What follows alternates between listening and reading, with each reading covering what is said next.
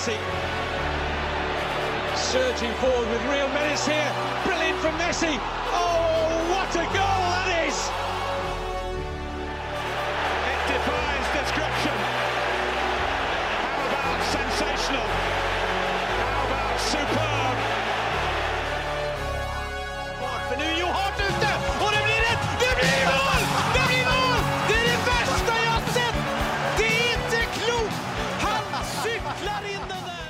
Ja da! Velkommen til episode 210 av den eh, wunderskjønne fotballpodkasten 90 minutter. Med meg i studio har jeg som vanlig Mats Matsinho Granvoll. Dankeschön. Og ikke minst eh, en ny Nei, du er ikke ny, faktisk. Du har vært her før. Ja, ja, ja. Ja ja, Jørn Henland. ja. Takk for at jeg fikk komme tilbake. Det, vet du hva, Vi fikk så mye god eh, tilbakemelding på det at det måtte vi bare gjøre med en gang. Jeg, jeg leste det opp for kona fra Twitter. Hun blei litt flau, sa hun. Hvorfor det? Nei, det var Hun kjente seg ikke igjen i det, som, i det som ble Hun sagt. syntes det var veldig godt at jeg kunne sitte her og prate fotball enn Ja, å ok. så og prøve å få snakke med hun hjemme om det. Så Avlastning. på avlastning her. Eh, Søren Døpker er fortsatt på ferie, så da må vi jo hanke inn disse, disse Vik- Vikara. Mm. Eh, så det var hyggelig at du kunne komme. ja. Eh, I dag så har vi jo eh, et program hvor vi, vi skal gå gjennom de aller beste spillere under 21 år. Det stemmer det, Mats? Ja, født 2002 eller senere, ja. Ja. Eh, det er en liste vi har jobba med over litt tid nå. Eh, de 50 beste, så det er en lang liste. Ja, det er mye, mye folk. Eh, Syns du det var vanskelig å, å komme gjennom, eller? Det er veldig vanskelig. Det er jo det er- det er jo unge gutter, unge menn. Eh, samtidig, hvordan skal du sette opp en angrepsspiller mot en forsvarsspiller mot en keeper? Eh, men eh, jeg tror vi kom greit i mål til slutt. Mm. Og så har vi dette problemet også, Mats, med råtalentet som ikke har bevist så mye enda, men du veit er et eksepsjonelt stort talent, mot en som kanskje ikke har det Altså, du, du føler har det toppnivået, da. Mm. Men Ja, det er kanskje, kanskje vanskeligst å skille dem på det, egentlig. Fordi eh, en som har prestert i Brasil på det øverste nivået, kontra en som du veit har prestert bra i, i, i spansk lavere divisjon. Altså det, er, det er veldig vanskelig å skille, skille det på det. da. Altså det er litt preferanser og litt uh, hva du sjøl føler om, om talentet. Uh, men det er klart vi ser de som er helt helt på toppen, de har prestert på det øverste nivået allerede en stund. Så noe har vært enkelt, noe har vært vanskelig. helt, uh, helt klart. Og når jeg ser på spillere i potten da, som ikke kom med her, så er det jo altså store, gode talenter som Gianluca Prestiani, eh, Ledsli Ogwosjukwu, som nettopp gikk til, til Chelsea, og, og eksempel spillere som eh, eh, Biciabo og, og Cole Palmer og, og Sabarni, eksempel. Det er, det er jo store navn. Store navn eh, som man, man har jo hørt om mesteparten fra før av. Eh, og kanskje om et år, når man sitter med de U22, kanskje noen av de topplista da igjen. Det er nettopp det. Eh, og, og jeg tror vi kommer gjennom denne lista til å, og, i hvert fall i starten her, å, å komme på en del spillere som ved neste års liste Mm. vil ha tatt ganske store steg eh, oppover. Eh, jeg tenker, er det ikke, er det ikke bare like greit å begynne? Kjør. Nummer én først. da tror jeg de hadde blitt skuffa. Så er det mange som hadde slått av etter, etter en halvtime der. Tror Du må beholde spenninga. Ja, jeg tror vi gjør det, og begynner på 50. Og der har vi en eh, kjenning eh, for deg, Mats. Eh, Lamin Jamal.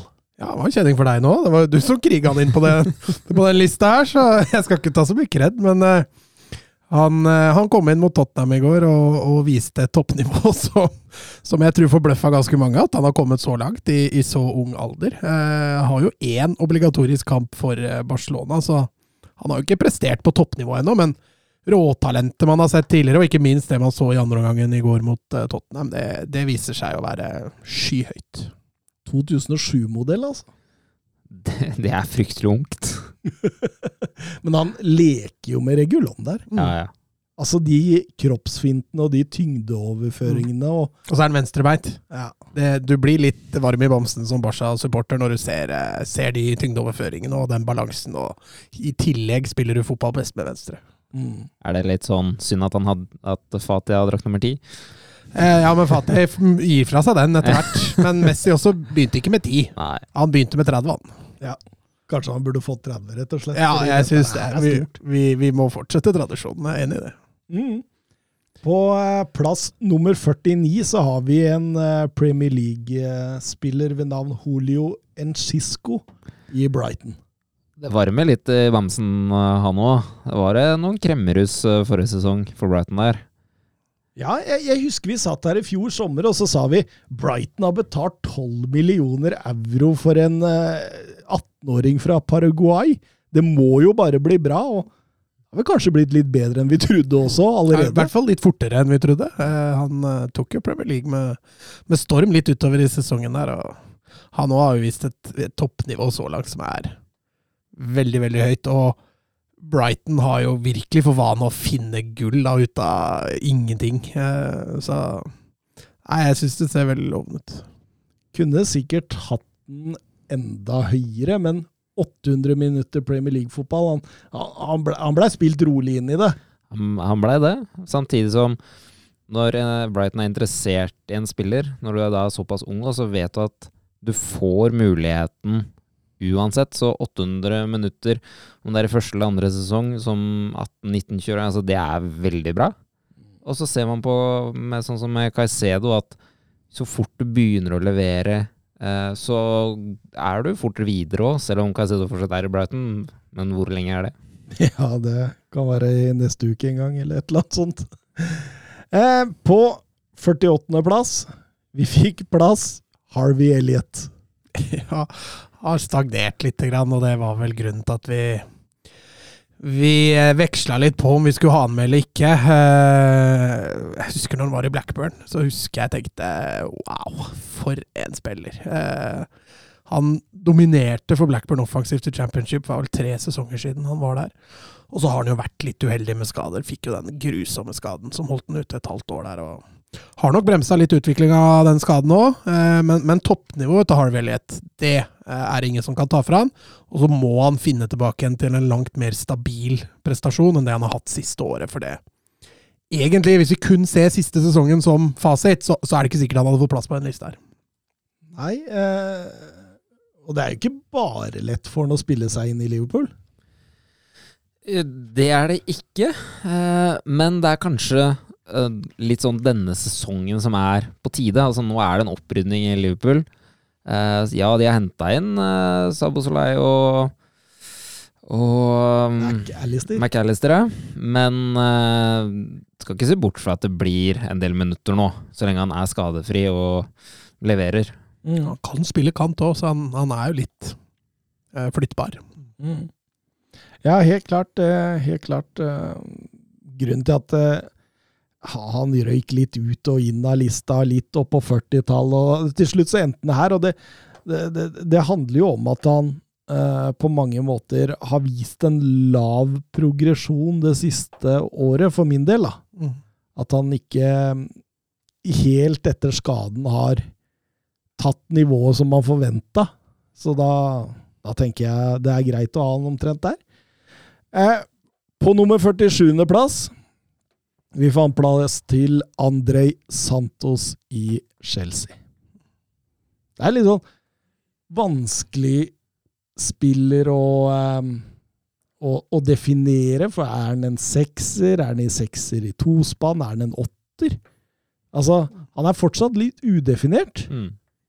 Så, så, det kan jo ikke være noe av grunnen til han er såpass langt ned, men jeg tror han får en rolle i Chelsea denne sesongen, og hvis han uh, tar den, så, um, så kan progresjonen raskt stige her, Mats. Ja da, og han har også en trener nå som ikke er redd for å for å gi de unge, unge sjansen. Akkurat nå, så lenge Caicedo er der han er, så, så er det jo også en mulighet eh, ved siden av Enzo Fernandes. Så det kan bli litt spilletid i år, og da skal det bli spennende å se han opp mot eh, de beste spillere i, i verden, egentlig. Som, eh, hvor han da får bryne seg. Så det, det skal bli spennende å se, og, og kanskje får ikke fasiten i år, men, men i hvert fall få en pekepinn da, på hvor, hvordan han ligger an. Juninho har jo sagt om han at uh, han kommer ikke til å bli bedre enn det jeg var. Han kommer til å bli mye bedre enn det jeg var. Det er, det er, det er jo Det er store ord. store ord, og dermed bli innført i sju for vår del. Det, det, er jo kanskje litt lavt, men samtidig, det er, det er så mye framover her, så vi, de må ha oss unnskyldt, de som ville hatt den litt høyere. Vi, vi går over til 46.-plass. Karni Sjukvomeka kan jo fort eh, finne på å konkurrere om spilletid med Andrej Santos denne sesongen. Hva, hva tenker du om han, eh, Jørn? Råmaterialet som er uh, outstanding. Men det er som du sier, det, det, kan bli kamp om plassene for disse unggutta. Og det er det som gjør litt vanskelig å vurdere hvor de egentlig står nå. Eh, hvor mange av disse blir eventuelt lånt ut. Eh, og hvem er det som gjerne man skulle sett mer, men som rett og slett havner litt bak i køen pga. det er mer etablerte spillere som skal ha spilletid? Det blir jo litt sånn disse spillerne opp mot Conor Gallagher, f.eks. Ja, ja. Helt klart. Så, så det, det, det, må krige. Må, må krige. Uh, Få se hvor sultne de er på det. Uh, er født i, i er født i Eisenstadt en liten by rett syd for uh, Wien, Mats. Visste du det? Nei. nei det har ikke sagt noe om til meg, i hvert fall. Nei, Han har ikke gjort det, nei. nei eh, er jo egentlig et Villa-produkt. Uh, jeg husker hele tida jeg satt og tenkte når er det han skal slå gjennom for Villa? Når er det han skal slå gjennom? Og med en gang han begynte å få kamper, så henta Chelsea inn, så det De fikk liksom ikke utbytte av han uh, på Villa Park, men uh, 46.-plass. Jeg føler vi treffer ganske greit der i forhold til hva han har vist og levert. Nummer 45. Benjamin Sesko i RB Leipzig. Det var vel spilleren som sa at han kommer til å bli bedre enn Erling Braut Haaland, det? Ja, det er fortsatt en liten vei å gå, da. Men uh, igjen, talent og råmateriale er der. Uh, så vi ser da hvordan det skal spilles nå i, i Leipzig. Uh, om det er tospann med Werner, er det um, at Werner skal litt ut på kant, han inn. Men han er jo 19-20, mm. så det er jo Det blir nok spilletid, tror jeg, men spørsmålet er ja, hvor og når. Absolutt. Det er jo en sånn litt Han er ganske god allrounder. Bra tempo, er god til å finne rom, fine bevegelser. Han er ekstremt god på hodet, så han er jo en boksspiller, da. Uh, tror du Ja, altså, han er ganske komplett, og nå uh, Nå leide de jo også ut uh, Silva der, og da, da, tror jeg nok han blir ganske enere Jeg tror han blir klart førstevalg, da. Altså, det kommer til å bli en spiller de kommer til å satse på. Ja, ved siden av Openda, da? Ja, ja. rundt der, og da jeg tror det at han kommer til å få, få en god del minutter, og da får han Altså Sørloth òg brukte jo litt tid på å komme i gang, så fikk han en del minutter, og så falt han gjennom. Eh, jeg tror Sesko ikke gjør det. Jeg tror han kommer til å Ikke sikkert han starter eh, helt optimalt, men at han kommer til å komme etter hvert, det, det er jeg ganske sikker på. Han, han har en fysikk som du er inne på, han er ganske komplett da, eh, allerede. Relativt rask, stor og sterk, målfarlig. Jeg tror han blir knallbra.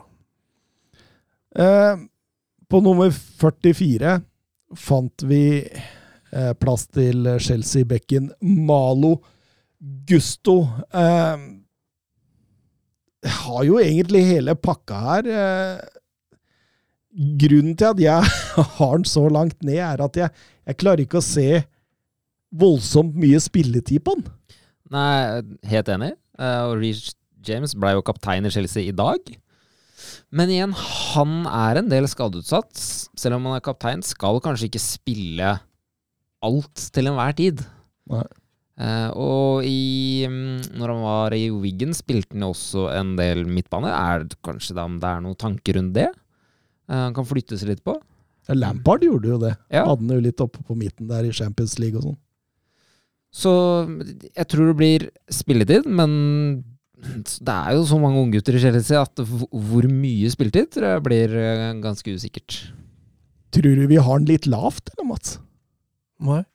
Nei? Men uh, altså, det er dette med å skille bekker, midtbane og sånn, og da, det er så vanskelig, men uh, jeg er litt enig med dere. Altså, gå til Chelsea som høyreback når du skal konkurrere med Reece James, det er jo som å skyte deg litt i foten. Det er greit nok, du får, du får en veldig god utdannelse, du får, du får veldig god matching på trening, eh, men spilletida er veldig redd han får lite spilletid, altså. Ja. Han er bare én av tre backer på lista, så det sier jo egentlig Mm. litt. Da, da, da er du jo fort en av verdens største backtalenter. Så det, det, selv om han ligger på nummer 44, så er det jo ikke dermed sagt at vi, vi, vi, vi sager den helt, fordi Nei. Kunne ligge på delt 13.-plass med 17 andre. ja, det, det hadde vært en fin måte å gjøre det på. Nei, for det har vært vanskelig, men, eh, og, og, og marginer har skilt, men eh, 44.-plass, det er greit. Vi fortsetter med akademikameraten hans fra Lyon, og om mulig nå ny RB Leipzig-spiller. Det er vel kanskje rett rundt hjørnet. Castello Lukeba. Det varmer eh, eh, et eh, forsvarshjerte, han der, altså. Jeg er veldig spent på om han tar allerede et stort steg denne sesongen, så han kanskje er på vei videre til en enda større klubb neste sesong. For Mm. han, han er så god. Ja. Helt fantastisk. Dette her minner meg om når RB Leipzig henta Konaté og Opamecano. Og henter dem to nye franskmenn med liksom med samme fysikken. Eh, det, det er- veldig likt, dette her. Og det, å, å gå RB Leipzig-skolen, da. Det, det, kan jo gjøre Lukeba til en av verdens beste stoppere bare om en tre-fire år. Altså, fordi råmaterialet fins jo der. Han har jo egentlig alt som skal til for å bli en verdensklassestopper. Ja, altså, han, har jo allerede prestert i ligaen, eh, sånn at de, dem Altså, det er en risiko i form av at han er ung, selvfølgelig er det det, men, men samtidig så har han allerede bevist at han, han har potensial til å bli en av de aller beste. Og det er klassiske RB Leipzig-kjøp, så, så det er ikke så vanskelig å ikke hylle det. Eh, når det gjelder spilleren sjøl, så Nei, det er nok en Dette er nok the real deal. Eh, jeg tror nok han også spiller eh, Spiller seg til fast plass i løpet av Leipzig, på Leipzig i løpet av kort tid. Og i løpet av et par år så, så er det større klubber som banker på døra. Er venstrefota også. Det er jo også en fordel når man er stopper i dagens toppfotball. Ja. Eh, vi, vi går videre i Lyon-akademiet, vi. Kommer en på rekke og rad her. Nummer 42, Bradley Barcola. Hvor lenge er han i Lyon? Ja, det, det er kanskje like lenge som det Malo Gusto og, og Castello Luqueba var, eh, fordi det er vel ikke så lenge før han flytter på seg, han heller. Det er jo PSG som er mest rykta. Ja. De er visst i gang med forhandlinger. Den nye PSG-kursen de driver og staker seg ut. Um, og han tror jeg kan gå rett inn fra starten i ligaen, for PSG kommer til å vinne. Og her har de en ung fremadstormende fransk eh, kantspiller som er så uredd og allerede bevist til jo at han, han holder greit nivå til alderen sin å være. Mm. Ja, helt klart. eh, Og, og, og det som jeg syns kjennetegner han, og som er veldig eh, veldig uvanlig i den alderen, det er at han både er en god kontringsspiller og god mot etablerte. Altså, han kan begge deler, og jeg tror den tingen der gjør at han blir ekstra mm, på en måte interessant for storklubbene, da, fordi du på en måte kan spille på begge måter og likevel ha han der. Eh, Det skal sies også at RB Leipzig også er ute etter han som en Nkunko-erstatter. Eh, Så får vi se. Jeg ville kanskje heller, hvis jeg var han, dratt til RB Leipzig enn eh, PSG, men som du sier, hvis han får spilletid, den høyrekanten der, den er ja, relativt åpen. Den, mm. den Belé er vel skada i halve sesongen uansett. Ja, i hvert fall. um, nummer 41.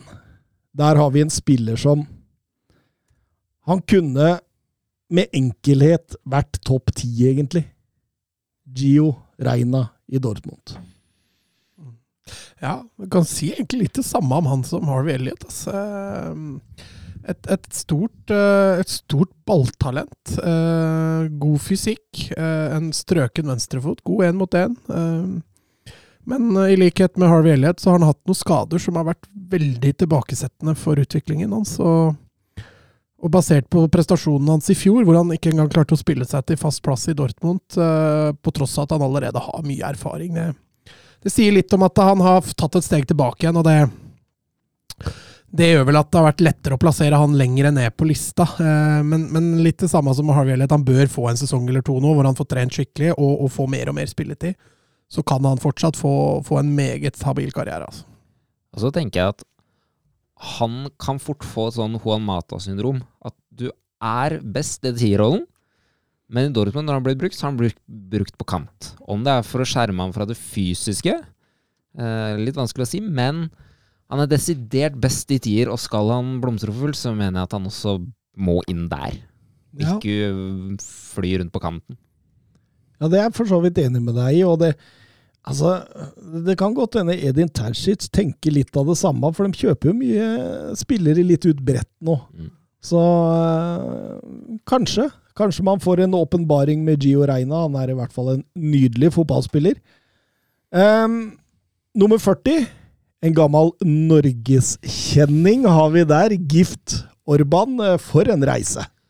Det er jo helt vanvittig, å vise at det er faktisk mulig å ta det steget ut av Norge. Ok, Nå er han ikke norsk, eh, men han har, altså, han har noen ferdigheter som er veldig unorske. Men det, den reisen der er helt vanvittig. 19 eh, mål og 7 assist på 24 kamper for Stabæk.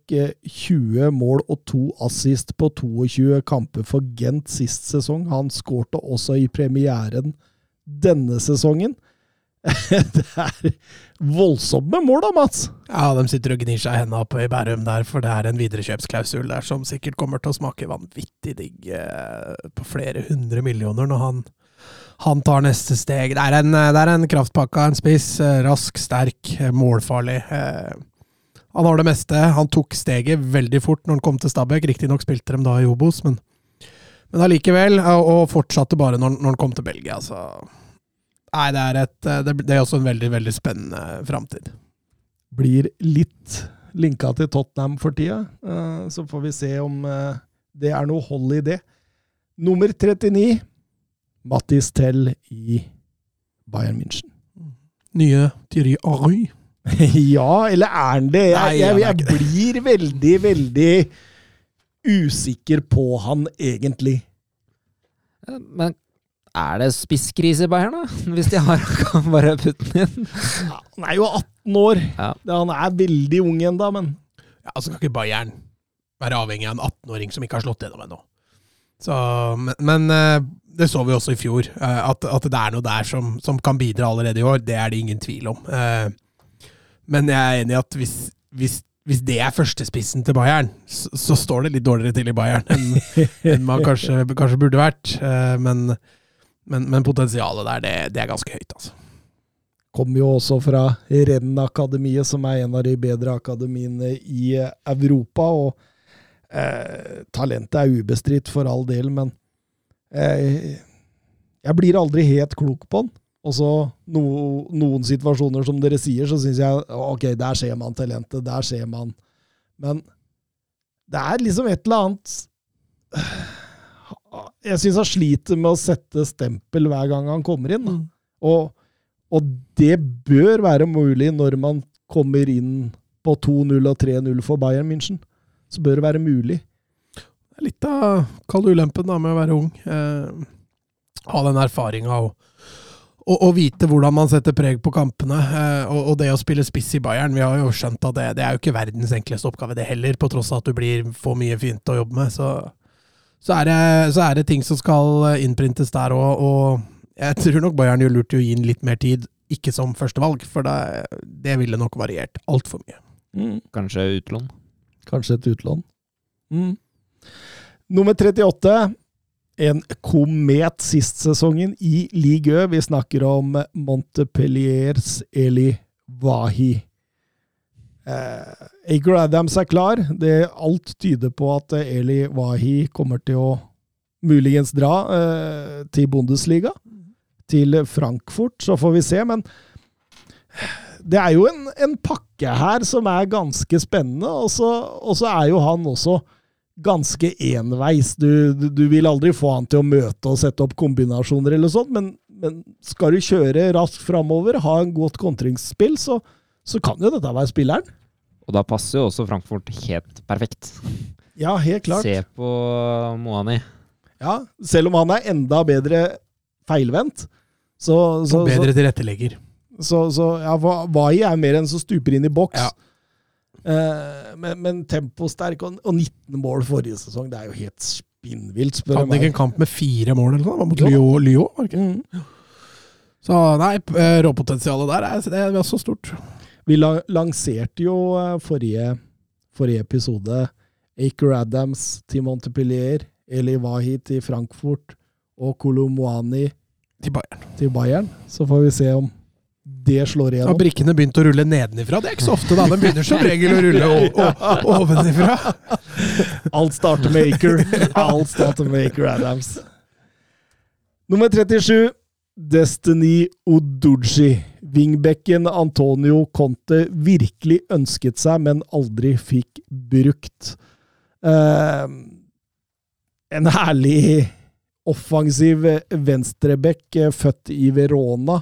Eh, kom eh, ganske tidlig til Odinese, hvor han utvikla seg strålende og, og, og presenterte seg godt også på aldersbestemte landslag for Italia. og Ser jo ut til å være Postecoglus nummer én på venstrebekken. Han er jo helt rette typen i det angrepsspillet. Mm. Men så, ja, du har Pedro Porro på den ene bekken og han på den andre. Det, det er offensivt, offensive bekker. Men det er moro. De får jobbe, de stopper av der, tror jeg, etter hvert. Ja, det er ikke et lag for å ligge etablert def, i hvert fall. Det kan vi, kan vi slå fast. Bizuma må jo spørre Kanté om utholdenhetstips her. ja, det spørs, det. Men, men herlig back, herlig offensivt, godt tempo, bra fysikk. Stuper framover i boks og er med på, på det som er gøy framover. Det er en, en, pakke her som er veldig veldig spennende, Mats. Mm, utvilsomt. Uh, ser jo helt klart hva, hva, hva Tottenham har kjøpt. Uh, og så får vi se, da. Det er jo dette å ta Premier League, da. Uh, men, men, potensialet er, det er der til å ta det, i hvert fall. En annen bekk på 36.-plass, nettopp solgt til Newcastle, Tino Livramento. Uh, ute et år med kneskade. Likevel såpass høyt på lista, det, det tyder jo på kvalitet. Uten tvil, og når Newcastle henter nå, mest sannsynlig ha ett eller to år bak Trippier, kom, spille litt her og litt der. Trippier begynner å bli eldre han òg, Livramento er ung, men igjen, skade ja, Det har vært en alvorlig skade, og han får muligheten nå til å bygge seg opp en bak Trippier. Han spilte jo ikke all verden for 15. Uh, så det er jo et, De har jo først og fremst kjøpt nå et talent, så må man se om de klarer å videreformidle det. Men eh, jeg tipper han har tatt over Trippier innen ja, i hvert fall tre år. Så det er jo Trippier 35, så det er på tide å gi. Ja. Håper litt tidligere enn det òg, men ja eh, er jo en back-type som er litt sånn uvanlig i dagens fotball. Fordi han er ikke den tut og kjør-bekken. Han er mer den der ah, kloke, kalkulerte bekken som, som rolig tar seg framover i banen og tar veldig voksne, mm. veldig taktisk gode avgjørelser. Han er litt sånn slepen teknikk. Jeg har vel sagt tidligere at han ser så oppreist ut i stilen. Ja. Eh, men ja, nei, jeg, jeg, tror han tar over for Trippier mye tidligere enn det. altså. Ja. Jeg tror kanskje Neste sesong? Ja, i løpet av neste sesong, ja. kanskje. For Han bør i hvert fall ha ett år nå hvor Det er ikke han som skal være nummer én, han er jo Trippier. Han er vel kaptein. Mm. Eh, så i hvert fall han har én sesong til, men eh, C. Livramento minner meg litt om sånn skolegutt. Eh, sånn klassen er jo lærerens eh, pet. Ja, ja, ja. Men uh, Kommer altså, med eple til Eddie Hall hver dag, han. men han er ikke den tut og kjør-bekken. Han er, er, klok, og jeg ser for meg ham ute på høyresida der, sammen med om det er Tonali som skal spille ved siden av på midten. uh, og ut på høyrekanten der, at uh, det, det kan bli veldig bra. Mm. Nummer 35. Eneste keeperen på lista. Vi kunne kanskje slåss inn uh, Basono der. Vi kunne slåss inn James Trafford, kanskje Chevalier i, i Lill. Ja, kanskje til og med slå Nina og, og Vandervort, uh, men uh, det eneste keeperen blei Bart Verbruggen, som nettopp har skrevet under for Brighton, Mats. Ja, han er vel i utgangspunktet den den, den nummer én-keeperen i U21-verden akkurat nå. Eh, keeperplasser forandrer seg jo ofte fort fra år til år, der man venter på en keeper, og så, og så dabber man litt av. Men, men, han ser ut som the real deal, og, og kan fort eh, finne veien til stengene i Brighton allerede fra, fra sesongstart. Ja, absolutt. Ja. Det er sjelden man ser så ung keeper med en så stor pakke. Uten tvil. Og så tenker jeg alltid stol på Brighton når de henter spillere. Det er ikke noe vits i å tvile på det engang. Altså, nå var det Jason Steele som etter hvert tok over eh, første keeperplassen i Brighton forrige sesong. Han var bedre med beina enn Sanchez, men eh, Fante Bryggen er eh, Jeg tipper han er førstekeeper i løpet av neste sesong. Ja. Mm god rekkevidde, er vel 1,94-1,95 høy. I tillegg så er han god med beina, han bra i feltet, reaksjonssterk. Eh, jeg, husker, jeg husker når han tok over eh, i Anderlecht, det var rett etter VM. Anderlecht hadde gått på noen voldsomme tap der, og, og Henrik van Krombrygge, som sto i mål, som også var kaptein da, blei rett og slett vraka og, og, inn med denne pur unge keeperen som bare tar alle med storm. Mm. Eh, nok en gang to millioner euro henter de den for. Altså, dette er, dette er nye Courtois, altså. Og det er ikke utkjøpsklausul, det er bare to millioner i cash? Ja. Det er, det er sikkert noen eh, ålreite uh, videresalgsprosenter ja. uh, der. Um, nummer 34 en av de vanskeligste å plassere. Gabriel Veiga. Ja, ser den. Slo gjennom litt seint til å være Er jo fortsatt ung, selvfølgelig, men uh, hadde jo en fenomenal forrige sesong. Uh, og konkurrerer jo da med ganske mange i en indreløper tierrolle uh, på denne lista her. Men han bar jo Celta Vigo tidvis i fjor. og var jo veldig avgjørende i den, i den kampen hvor, hvor Celta Vigo berga plassen. Så et, et, talent også som, som antageligvis er på vei vekk, men der kan også Celta Vigo tjene en god del kroner. Ja, Det blir snakka om 40-45, og, og, til Napoli. Tror du det kan være en god avgjørelse? han? Det Napoli ja, men Rudi Garcia nei. ja. Eh, han var jo tidlig rykta til både Newcastle og Liverpool, så sånn sett litt overraska over at det er eventuelt Napoli som står først i køen nå. Men nå har jo Liverpool fått de de vil ha. Newcastle har fått Tonali, selv om han er en litt annen type enn Gabriel Vega. Men jeg tror Gabriel Vega kan gjøre det veldig godt i Napoli. Men jeg tror de skifter trener i løpet av sesongen. Jeg tror i hvert fall han gjør lurt i å gå til et lag som spiller mindre løpere. Jeg tror det hadde blitt Newcastle hvis ikke Newcastle fikk en Elliot Anderson og, og Louis uh, Miley. Mm. Åpenbaring i sommer. Uh, Eddie Howe har tydeligvis gitt klar beskjed om at uh, vet du hva, vi, vi, vi, trenger egentlig ikke noe flere på, på, midtbanen der, for dette er gutter vi skal utvikle. Uh, to spillere som også fort kunne vært på, på lista her. Så det, spesielt Louis Miley, men han er veldig ung, da, 16-17 år. Ja. Og Elliot Anderson har jo han kommet tilbake med de beste fysiske resultatene i Newcastle uh, i preseason, og har jo bare tatt sjumilssteg rent fysisk. Ja. Så at han nå kan dunke altså Bli dunka inn på laget, ikke fast, men altså få spilletid her og der for Newcastle nå, mm. uten tvil. Ja, ja. Helt klart. Så det blir spennende å se det òg. Nummer 33. En yndling oss mange. En uh, hadde jeg vært treneren, så har jeg noen ganger rivd meg i håret, men Røy, Ryan Cherky ja.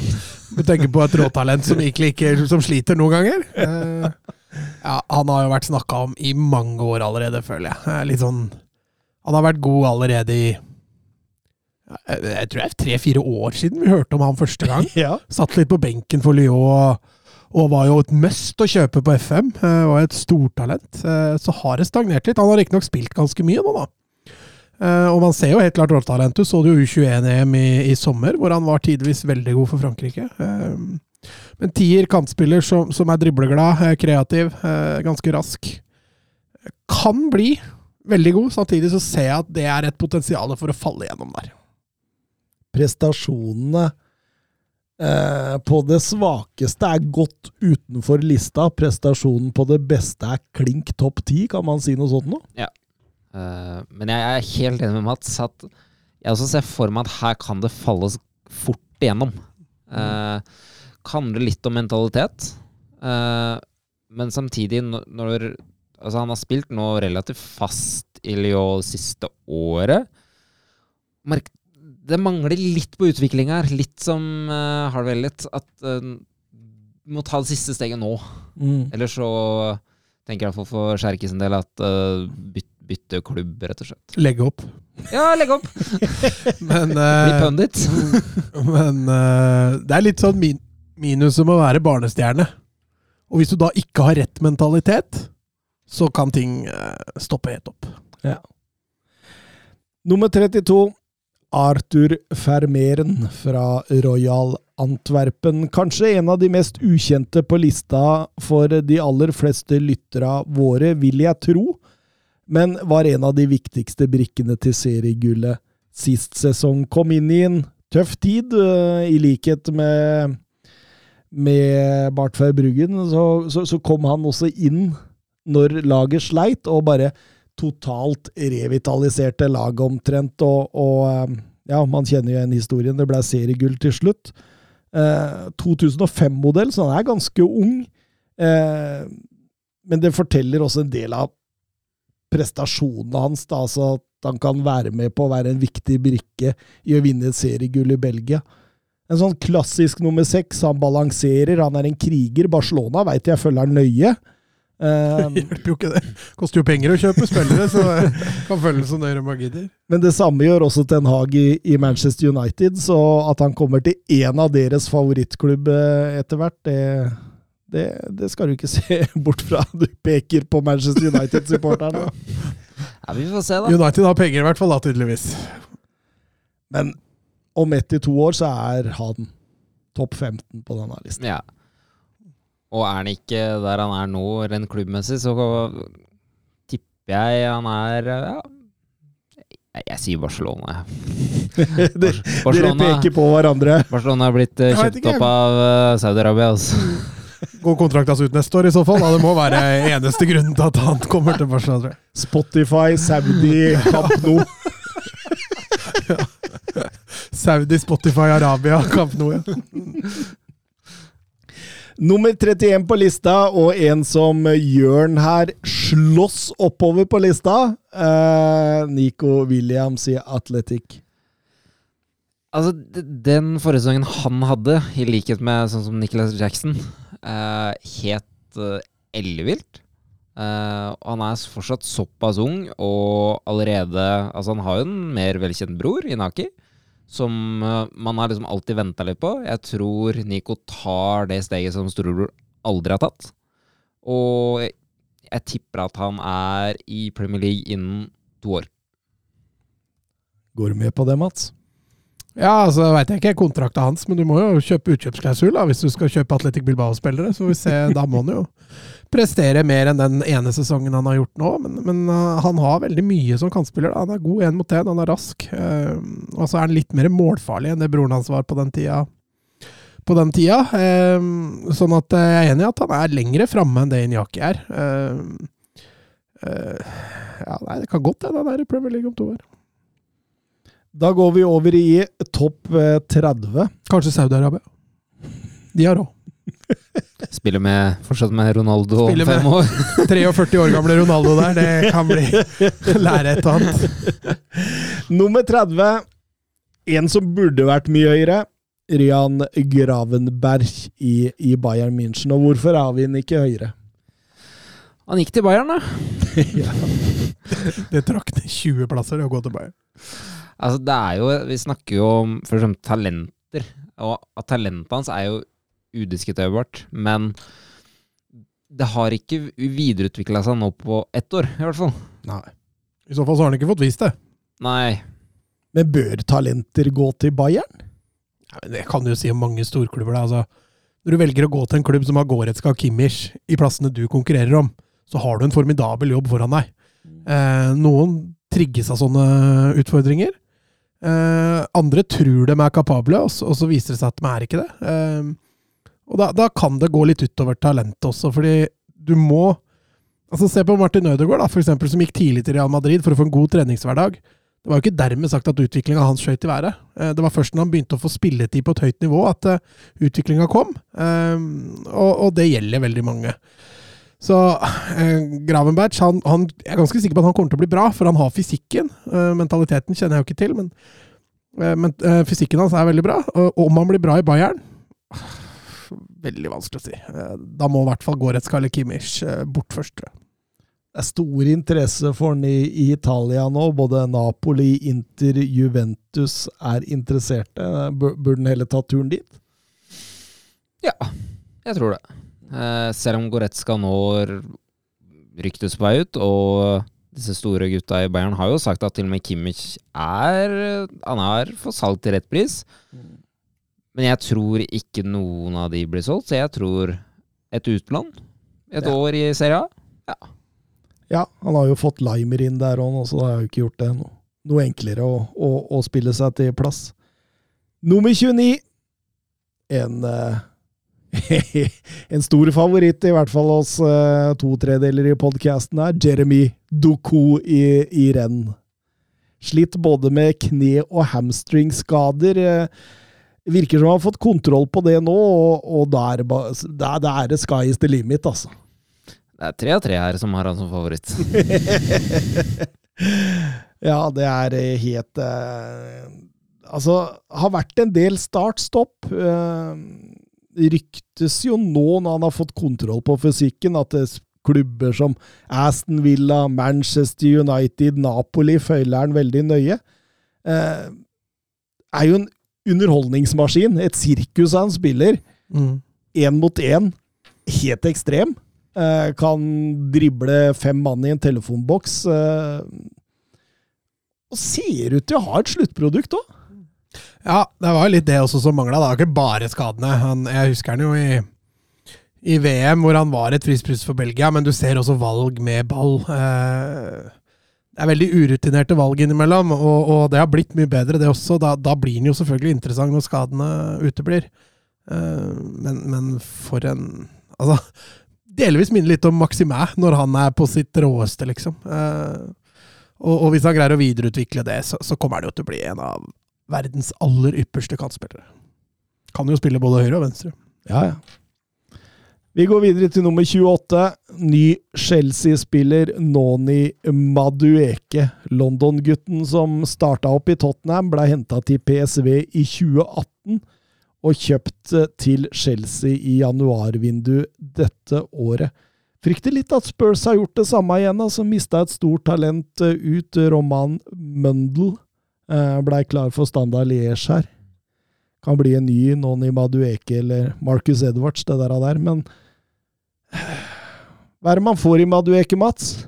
Nei, man får jo en driblega, rask eh, kantspiller. Eh, vi storspilte jo i, i EM, eller storspilte er å ta i. Han, han ydmyka han venstrebekken på Tyskland? han, Han han, husker han. han tror jeg fortsatt står og snurrer rundt på den stadion der, faktisk. Eh, han, han visste Han, han er stakkars. Når du stopper opp for å drible den en gang til, da Sånn at det, ja Altså det, det er veldig spennende. Han har vist litt til Chelsea. Eh, og det er litt sånn som vi er inne på, var Chelsea det rette valget? Eh, det vil jo selvfølgelig tiden vise, men spilletiden vil jo bli litt begrensa i Chelsea i år. Eh, så får vi se. Også er en veldig artig spiller å se på når, når ting flyter. Mangler han litt på det defensive, eller? Mm, Det kommer jo an på bruken av den, da. Eh, men selvfølgelig, hvis du kan Mal Augusto og, og ham på høyresida der Ja. Men jeg tror hvis han spiller med Reece James bak seg, at han kommer til å få litt uh, frie tøyler framover. Og ikke så mye defensivt ansvar. Ja. Um, og jeg har stortro på han under Pochettino. Han må kanskje få litt mer tid på seg, og ikke så høye forventninger allerede kommende sesong. Um, men jeg tror at han kommer til å ta ganske bra steg. Kanskje ja, noen kasser og noe assist, og så bør man egentlig være fornøyd med det akkurat nå, tenker jeg. For det er fortsatt et stort steg å gå fra PSV til Chelsea og skal forvente at du skal levere fra dagen. Ja, ja. har sett flere diskusjoner på om Pochettino liker sånne type kantspillere. Uh, for han Men Aaron Lennon var jo strålende under Pochettino i noen sesonger, så det, det må være mulig. Mm. Nummer 27. Real Madrids nye juvel, Arda Gyler. Ja, det var en jeg kommenterte at uh, Altså, jeg har vært forelska i han en liten stund allerede, da, så uh, jeg skulle gjerne sett han litt høyere, men, uh, men en strålende venstrebeint høyrekantspiller som, som, som jeg tror kommer til å bli enorm. Spørsmålet er hvor mye spilletid han får i Real, og, og den nye formasjonen til Real Madrid den er ikke veldig vennlig for han. Så, så kan hende det blir noen noe bumper i veien her, men, men eh, potensialet der er, eh, er såpass bra at jeg, jeg tror den er ganske safe. Blei vel skada nå i en god del måneder allerede. Ja, eh, det er aldri positivt. Men så er han fortsatt såpass ung, og man forhåpentligvis da får det av seg. Men har jo sett noen av de der eh, treningsvideoene til Real Madrid med styrkeøvelser. Altså, det ser jo helt på trynet ut noen ganger. Helt klart. Men at eh, jeg, jeg er enig med Mats at jeg tror ikke dette formasjonsbyttet med en diamant på midten og Venicius og Rodrigo på topp gagner han akkurat. Nei, Og Det- Bellingham i en tierrolle. Det blir spennende å se. Jeg skjønner ikke et Angelotti der, jeg heller, men Ja, men det er jo det mangelen på denne nieren. ikke sant? Du må jo finne en løsning på det. Har jo Hoselu! Ja. det, er ikke nok, det er ikke sexy nok. Nei, det er det ikke. Men eh, nei, han er ikke god nok helt, så det er både stygg og dårlig, han eh, Hoselu. Og så er jo Luka Jovic backupen til backupen. Ja, Jovic, er han der nå? I Real? Ja, han er tilbake nå. Han er tilbake fra lån. ja, er han ikke det? Jeg har ikke Jeg fått med at han Mener jeg så bilde av han Ja, Det er Frank Kessi klar for Al-Ali. Oi, oi, bare for å dra det inn. ja. Jeg fikk melding her nå. Det var ikke gærent, da. Bare satt 150 mill. der, da. Gratulerer med det. Ja, Fenta gratis, og selger den for 150. Det er god fortjeneste. Det er god Det er, det er god butt. Det er god klubb. Ja, ja. Fore Saudi-Arabia. Betalte de ikke det i signingsfee for han, da? Det kan godt hende. Betalte den under bordet. Og fikk de vaska sedler. Men finner du ut om Luka Jovic Ja, jeg, driver med, er i jeg driver med saken. Jeg er innpå, er innpå der nå, skal vi se. Uh... Nei, han står ikke oppført i, i troppen deres. Jeg lurte på om han blei kjøpt jeg, til Fiorentina. Ja, Det blir jo flopp der òg, da. Ja da, det har han jo for så vidt egentlig allerede vært. Uh, I den sesongen han, han har vært, eller har han vært to? Jeg er litt usikker, ja. Mista litt kontroll på han. Han, han, han blir litt sånn Det er helt riktig, Thomas. Han står i troppen til Fiorentina, i hvert fall. ja. Han, han blir litt sånn Fri overgang. De har gitt den fra seg. Kristoff Pjontek. Ja. Minner meg litt Ja. om han på liksom karriere Skulle Ja, Ett sånt blaff av en sesong hvor den var helt enorm, og så gikk det bare nedover. Ja. Nummer 26, det er ingen blaff. Vi snakker om Atalantas Giorgio eh, Scalvini. En av de bedre ballspillerne eh, i, i Serie A. For et fantastisk stoppertalent det er. Ja, Italia kan, kan stoppere, og nå har de også begynt å modernifisere stopperne sine, så eh, her er det noe stort på gang. Trygg med ball. Eh, noen ganger i overkant trygg, sånn som gjør at han tar litt risiko. Men, men eh, får han luka bort dette, så vil han jo utvikle seg til en av Europas klart beste midtstoppere. Absolutt. Og så er han jo nå i Atalanta og spiller fast. Uh, og det er ikke noe hast for han å komme seg ut. Neida. Han spiller i en ja, topp åtte-klubb i Italia. Kan gjøre det til ro og mak. Så jeg Og så kan han gå til United for 900 millioner når den er klar. Og så blir solgt til Vest På 30. på 30. Et par år etterpå, etter noen fine videoer på YouTube. Nydelig, nydelig. Nummer 25. En som har levert eh, allerede i flere sesonger i eh, Bundesliga. Vi snakker i Piero Hinkepi. Ja, det er dette med å plassere stoppere høyt på lista. Du, du får liksom ikke For dette er jo et, det er jo et kjempetalent, eh, og en, en vanvittig god fotballspiller. Eh, hadde vi rangert bare forsvarsspillere, så hadde han jo fort vært topp fem. Eh, så, og så er han venstrebeint. da. Vi snakka litt om mangelvare på, på venstrebeinte stoppere, skråstrek sidestoppere. Så Vi har bare tre stoppere igjen etter ham på lista, så Mm. det, du, du snakker helt riktig. Han Mm. hadde vært topp fem. Mm. Så han hadde fortjent sånn isolert sett kanskje en høyere plass, basert på hva han har levert, og, og hva han faktisk, hvordan han faktisk spiller. Så uh, han, han bærer preg av så lav plassering pga. Uh, offensive spillere, rett og slett.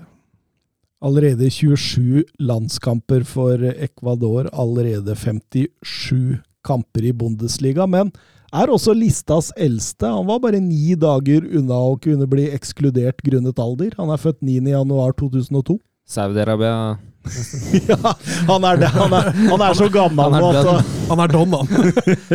Men å ha Sabi Alonso som trener, eh, i trebøkssystem, spillende stopper venstre altså, Det er litt sånn Scalvini-kategorien, da. Han har heller på en måte ikke noe hastverk med å komme seg ut, selv om han er ni dager unna å være for gammel for lista. mm. Eh, og det, når vi skal vi sniktitte litt på tabelltipset, så tror jeg han befinner seg på et godt sted. Ja, det, det er jeg enig i.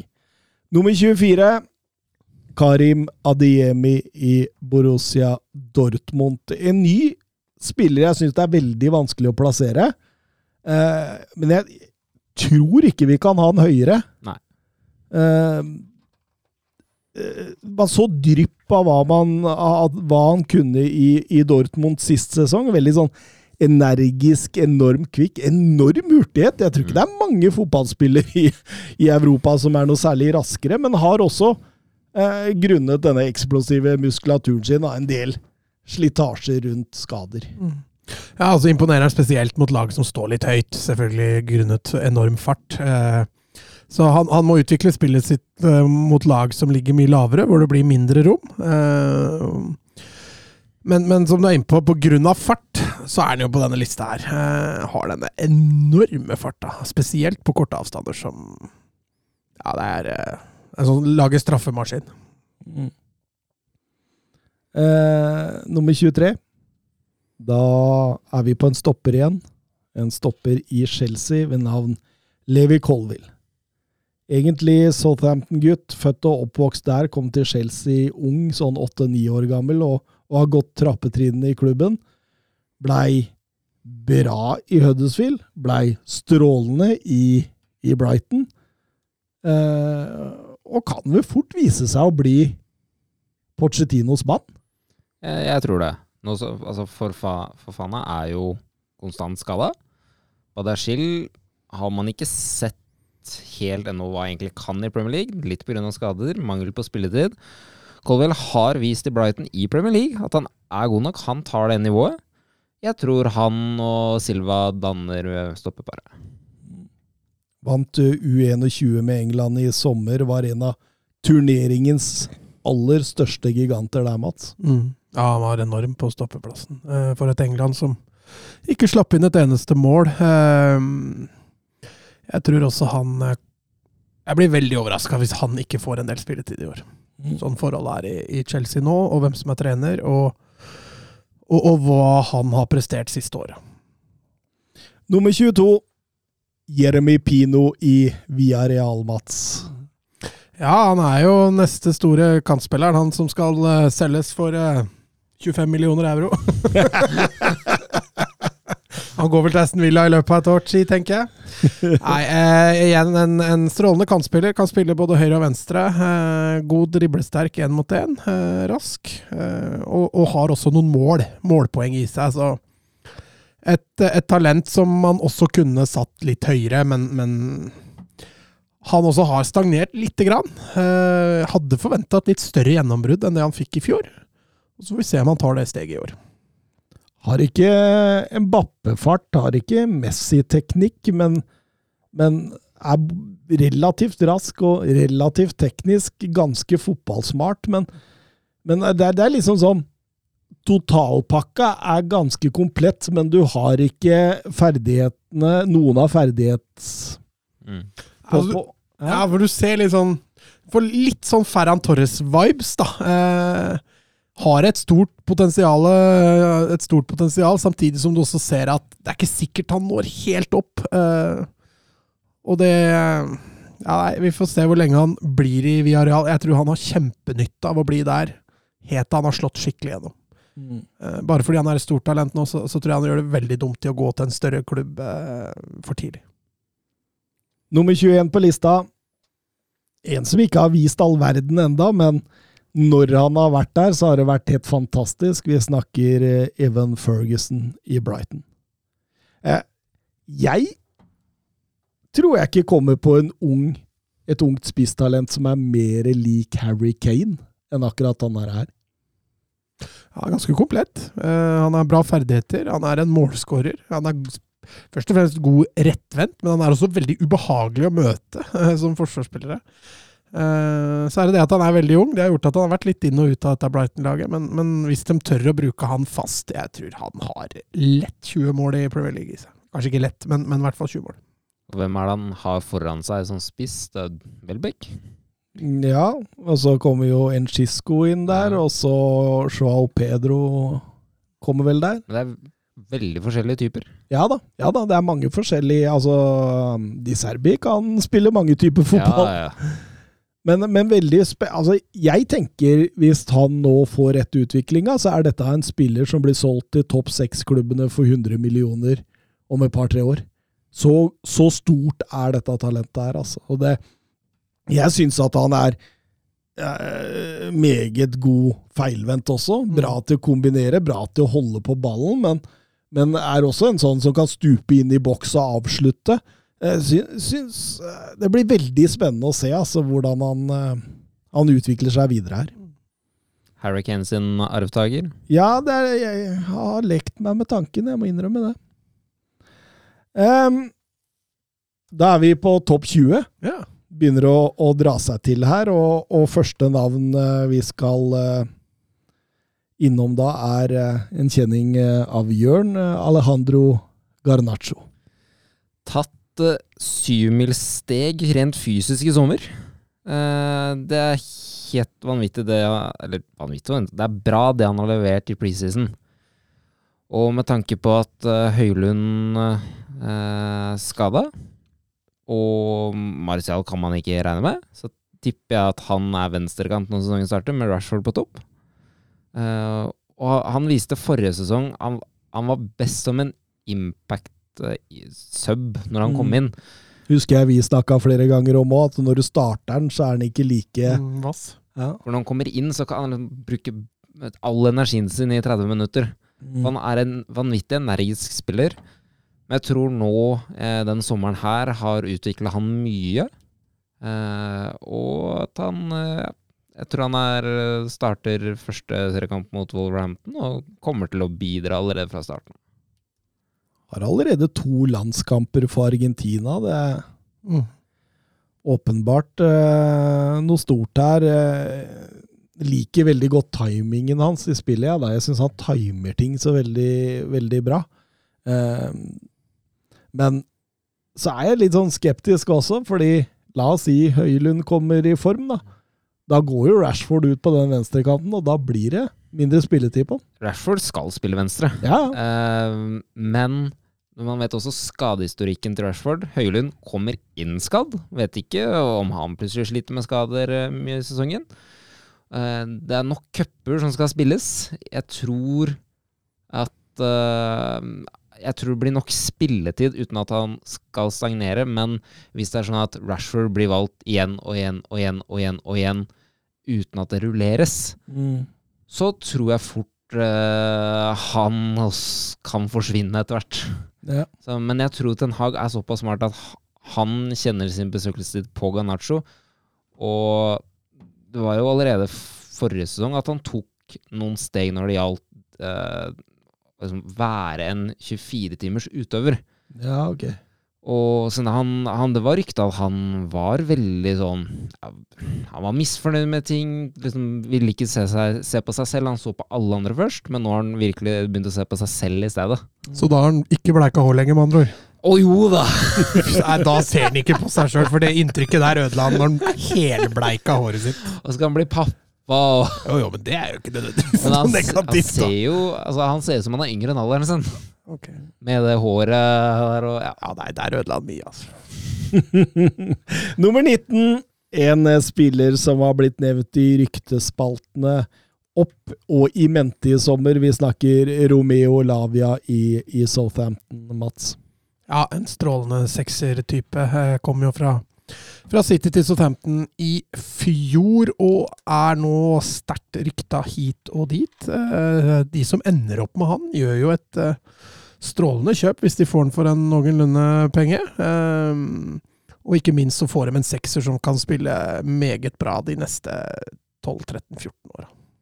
Det er jo Liverpool han først og fremst er rykta heftigst til. Ja, så tror jeg han er reservevalget for Chelsea enn så lenge, Ja. hvis de ikke får Caicedo.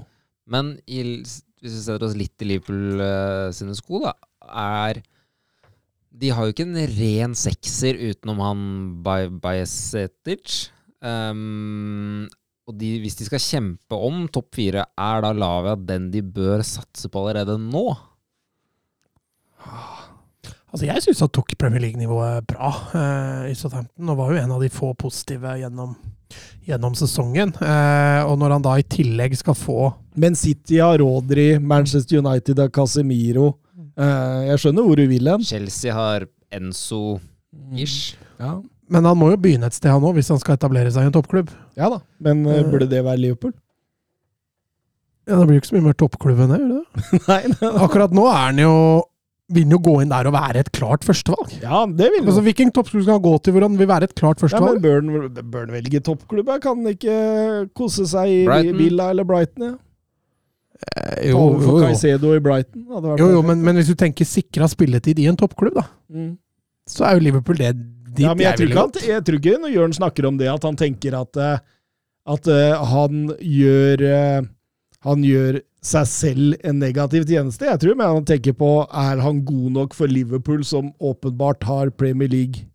Ja, altså det er klart Han mangler erfaringa, det er det jo ingen tvil om. Eh, så, så at Liverpool burde sett på noe mer med erfaring, kan jo godt hende. Men, men for La, Lavia sin del, så tror jeg nok det er eh, Og så skal jo Southampton ha rundt 50 millioner pund for den. mm, Ja, det er mye om, penger. om de kan få litt mer rutine på et litt høyere nivå først.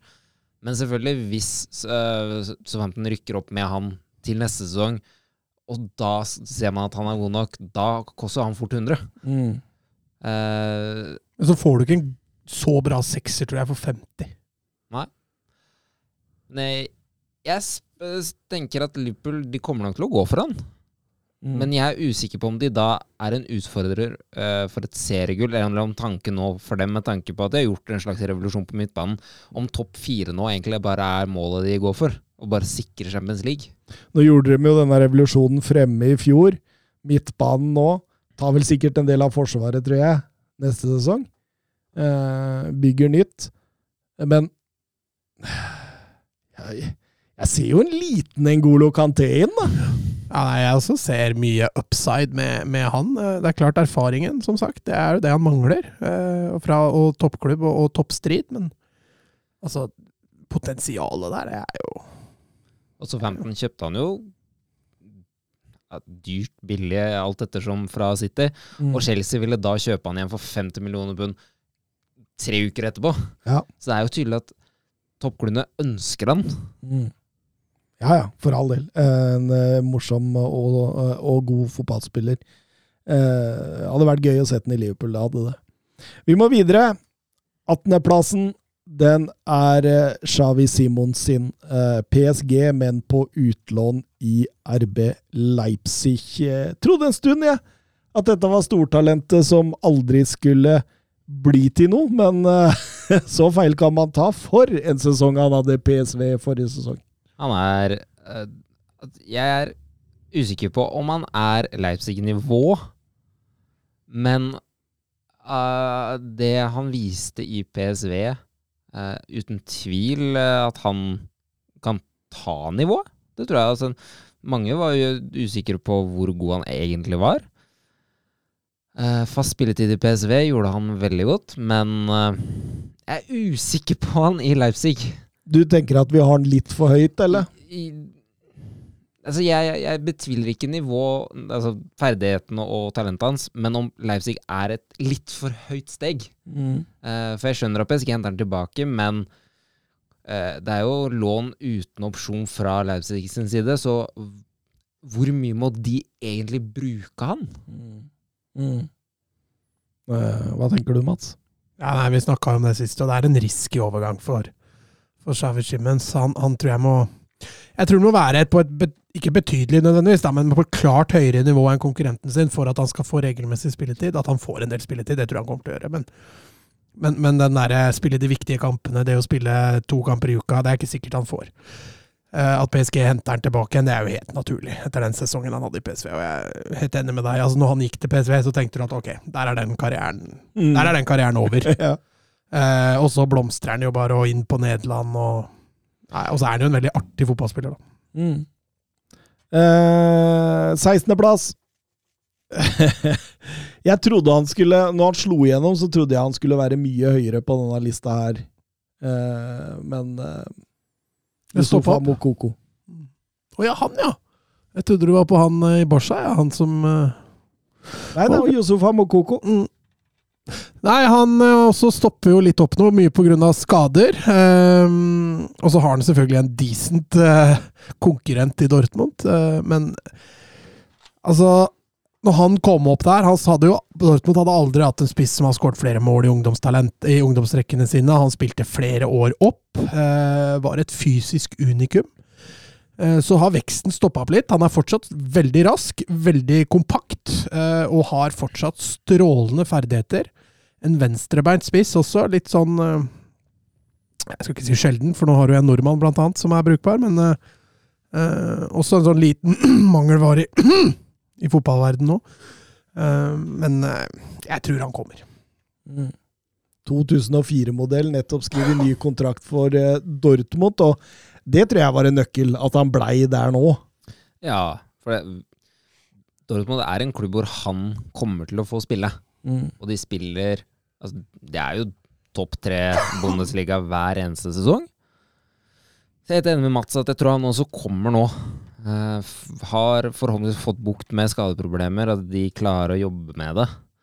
Uh, for det er jo et fantastisk talent uh, som har vist gjennom ungdomsåra at han, han har tatt det, det neste steget hele tida. Mm. Men selvfølgelig, det er jo fortsatt en kropp i vekst. Ja da, ja da. Nei, det blir eh, spennende å se. Det, eh, det har vært veldig morsomt å se han uh, totalt fri for skader, i hvert fall. Vært Over tid. Ja. Nummer 15 på lista, en ny Barca-spiller som ikke er der ennå. Vitor Roche. Ja, der er det jo et litt mer sånn ubeskrevet eh, blad for eh, oss som ikke følger eh, brasiliansk serie tett. Eh, en litt sånn kraftpakka spiss. Du har vel sammenligna han med, med Hulk, blanding av Hulk og Neymar, og det er klart, da Da har du jo karriereveien lagt, hvis det viser seg å få utløp. Ja, så han har denne spennende fysikken samtidig som han har lekenheten i seg. Altså denne tekniske briljansen. eh, Så, så, så han, han er veldig sånn vanskelig å Altså, han er ikke, han er ikke den der typiske brasilianeren heller. Den der ah, skal bare leke og, og finte og, og, og gå. Han, han har mye mer til spillet, og det og så voksen han er fysisk, så bra han allerede er, så tror jeg liksom han tidligere vil spille uh, for Barcelona enn det f.eks. Endrick vil gjøre i, i Real Madrid. Så, så, så, så blir det veldig spennende å se dette her. Nå går jo to av verdens største spisstalenter til hver sin spanske klubb i løpet av 2024. Så, eh, og, og, og når vi snakker om et par år, så kan det godt hende vi snakker mer Vitor Roche enn en, en Endrik. Men eh, råmaterialet her er så, så spennende. Eh, Det er så kult å se han spille fotball. Han, han, han er liksom en sånn spiller som du føler du kunne plassert i hvilken som helst liga. da. Altså Han hadde tatt Premier League, La Liga, han kunne vært i, i Serie A, og, og gjort det bra. Så det, denne litt komplette stilen hans da gjør at det, Det, Altså- det, det er ganske høyt på lista. Og så er det jo 2024. Lewandowski er jo da 36. Han, øh, den plassen øh, bak Lewandowski og ta over for Lewandowski er veldig åpen i Barcelona. Så at det er han, det skal man ikke se bort ifra. Og så en 2005-modell da, som allerede har debutert for Brasils Mm. A-landslag. Det sier jo litt om voksenheten. Mm. Nummer 14. En uh, Jørn kommer til å bli godt kjent med i, i fremtiden. Vi snakker danske Rasmus Høylund. Kom med skada. ja. Nei, men man er jo allerede lei sammenligninga med Haaland. ja, den ser jeg. Den ser jeg. Det, man er fryktelig lei. Men når man ser han, så han en del i Serie A, det er veldig mye likt.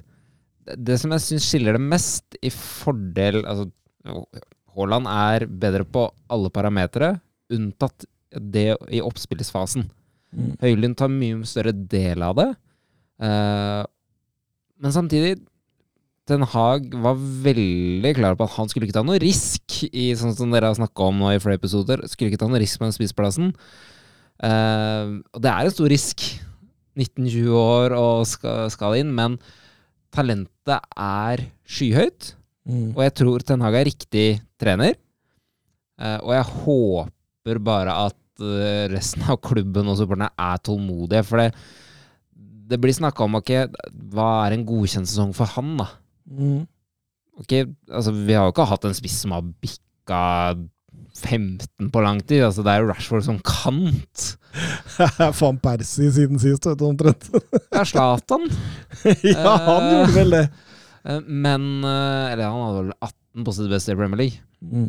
Um, så jeg, jeg bare håper at man ikke er for utålmodig fra start. For han kommer til å gjøre det bra, tror jeg.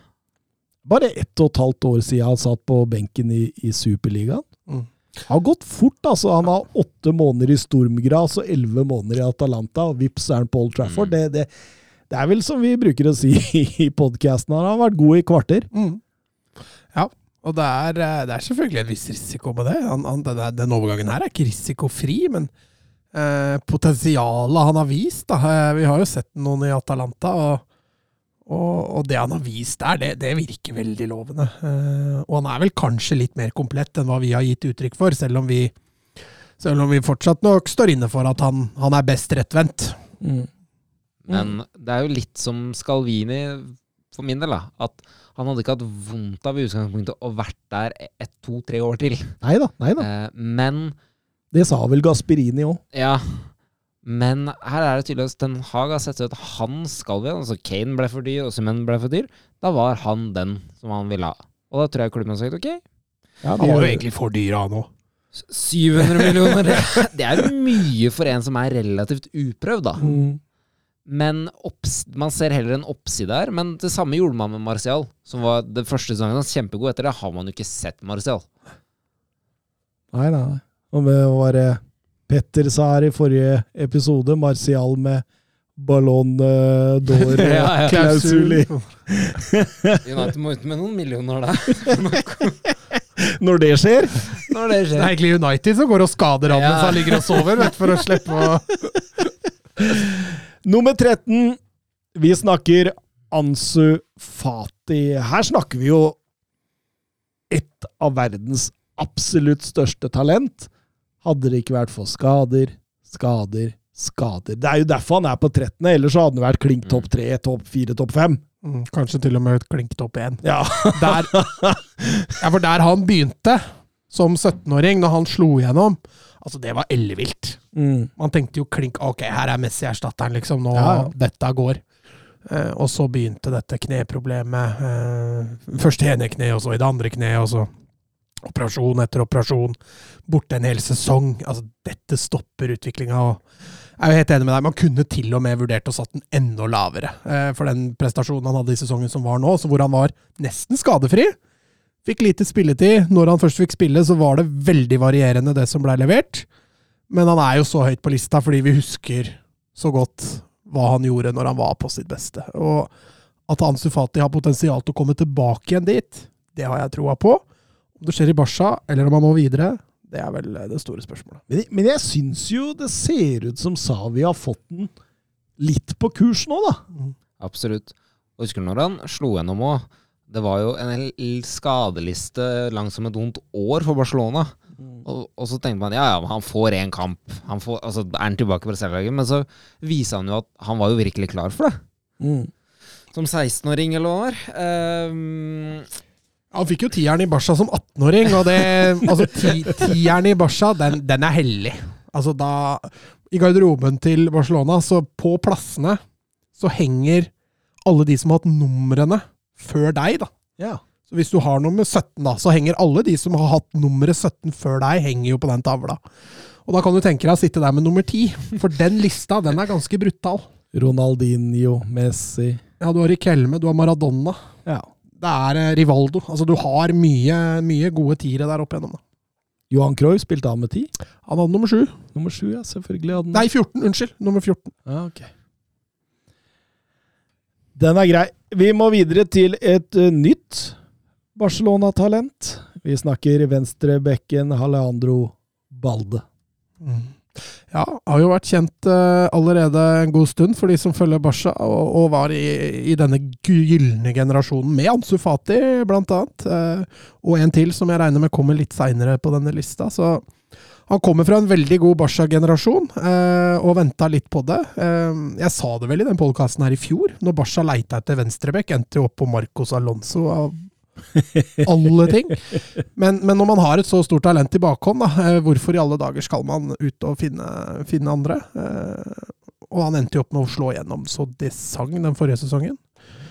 Og eh, nei, jeg gleder meg veldig til fortsettelsen. Ekstremt rask, ekstremt offensiv, men er samtidig god én mot én defensivt, selv om posisjoneringa har har en vei å gå igjen der. Eh, tar han det neste steget nå, så er han antakeligvis en av verdens beste venstrebacker allerede i løpet av denne sesongen. Han er vel også fast på Spania? har i hvert fall kommet inn, og Alba spilte jo mye nå før ferien. Så får vi se om han tar over den plassen nå. Alba flytter jo til States. Ja. Ja. han, han blir lekekompis med Messi og Busquets, han. Mm, stemmer det. Davy Beckham går rundt og soler seg i glansen. Altså Billettprisen her så steg det fra 30 dollar i snitt til 250 dollar i snitt for å se Messi spille. Ja, jeg tok helt av på over natta. Nei, men det er bra, det. Nummer 11, siste før vi går inn i topp 10, Det er på grunn av hans unge alder at han ikke er topp 10. Varan Seire Emry i PSG. Ja, han slo seg inn på dette stjernespekka laget forrige sesong. Eh, vi så vel aldri helt toppnivået hans, annet enn glimtvis i noen enkeltkamper, men, men når du får starte Hva var det, åttendelsfinalen i Champions League han starta?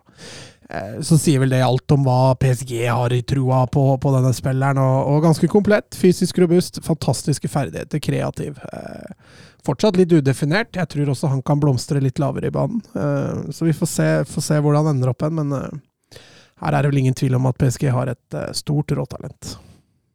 Og det, det, det virker jo som at eh, PSG da tenker ganske klart her på at det, denne spilleren her skal vi beskytte. Han er vår. Vi skal ikke surre bort han til andre ligaer eh, tidlig. Og at de har en klar plan på den.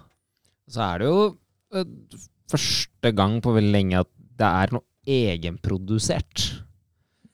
Eh, man ser jo på Mbappé nesten som egenprodusert, men han kommer fra Monaco. Er liksom 100% egenprodusert som eh, virkelig er en juvel. Det er på en måte PSGs Ansu Fati. Ja. Um, og som jeg tror de kommer til å altså, Neste sesong kommer til å spille fast. Ja, jeg, jeg jeg er veldig imponert. Eh, God begge veier. Eh, Han har selv sagt at han liker å forsvare seg, liker å beskytte. Eh, Men han har jo også et driv framover i banen som er ganske eksepsjonelt. eh, Et offensivt potensial som er skyhøyt. Så eh, enig med Mats. eh, Litt udefinert ennå. Eh, Tror fort han kan bli en Altså, han kan fort bli en både en indreløper og en holdende eh, foreløpig. Så, Litt sånn Tromani. ja. Så det, men det blir spennende å se. Det er i hvert fall eh, et av eh, de større talentene vi, eh, vi, vi ser i dagens fotball. Nå er det topp ti. Her kommer det mye navn. Eh, mye Ikke mer enn ti, eller? Her kommer det tolv navn. Det er topp ti med 14 navn. Det er fint. Og på tiendeplass så har vi faktisk en 2006-modell. Eh, det er litt vanskelig å plassere den, men potensialet er så ellevilt høyt at da må vi ha den høyt også. Vi snakker selvfølgelig om Real Madrids nysignering, Endrik, som kommer i, i 2024.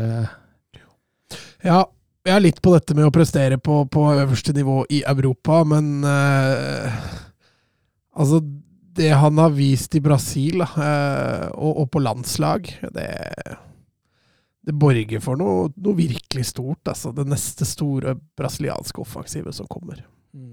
Og det, det, det kryr av brasilianske store, store unge talenter, men, men dette her er jo en som på en måte overgår dem alle. Uten tvil. Og det er jo allerede stort press på han i Brasil.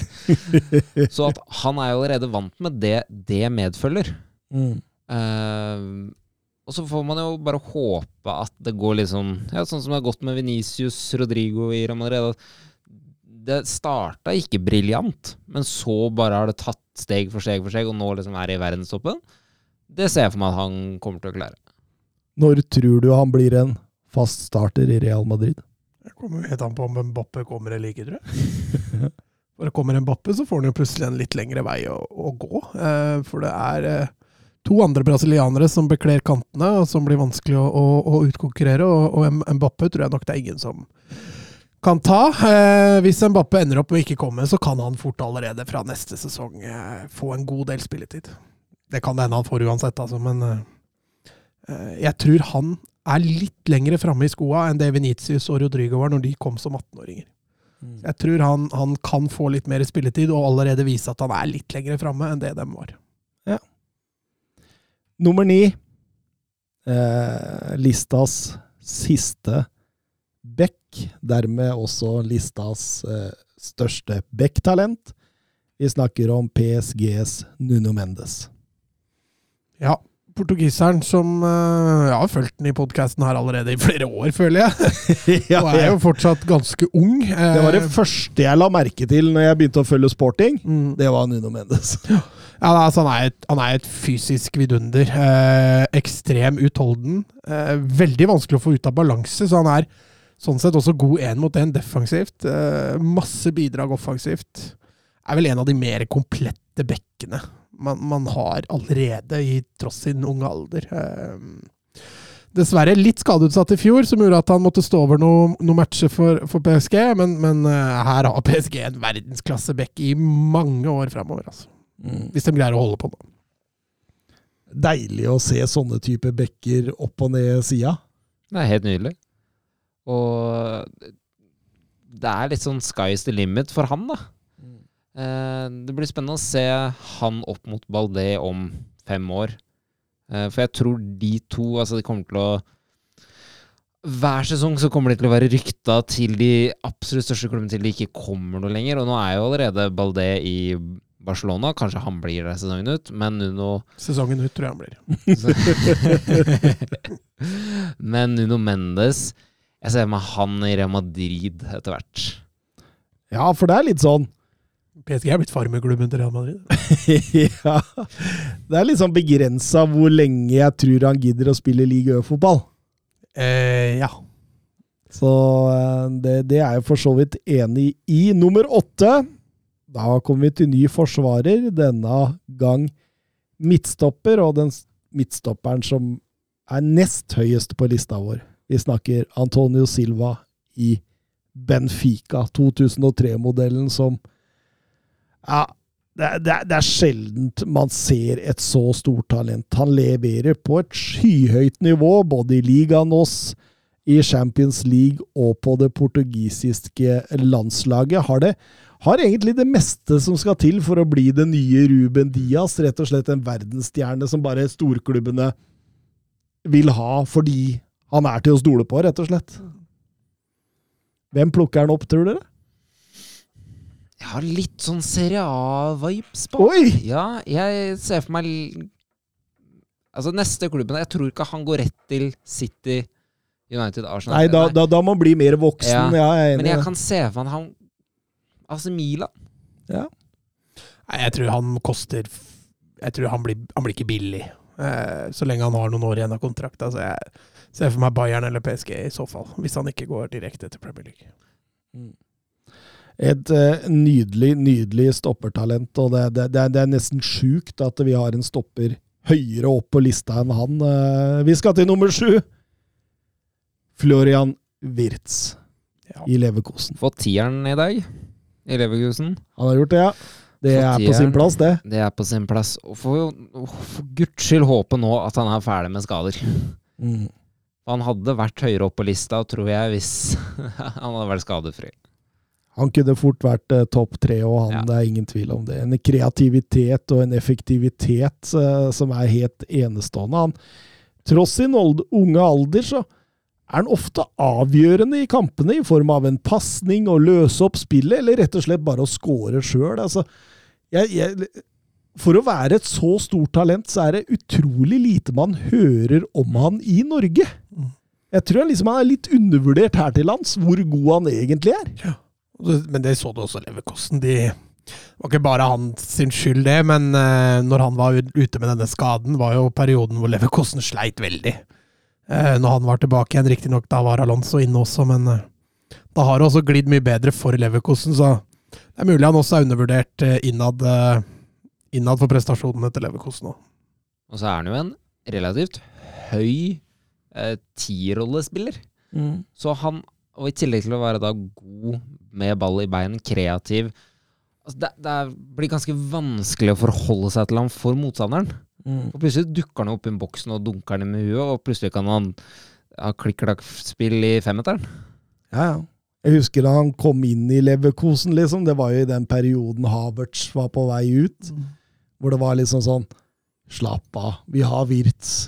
Det, det går greit å kvitte seg med Havertz. og det er liksom Mm. det var, det, du, du, du følte det var den feelingen blant supporterne supportera i, i Leverkosen, da, da Ja, de var flinke der òg. Kom ikke Brant derfra? Jo. Jo. Vært flinke med de rollene der. Nummer seks Gavi i Barcelona. Ja.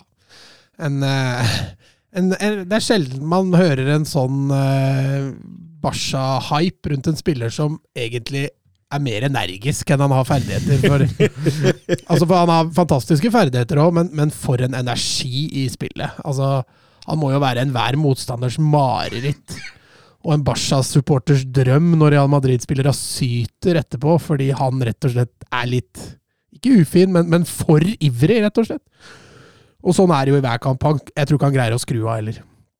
Så um, hvis han bare blir enda mer avgjørende offensivt med ball, altså når Basha fører, så kommer han til å ta det siste steget. Men, men enn så lenge så lever han veldig på den energiklumpen han faktisk er.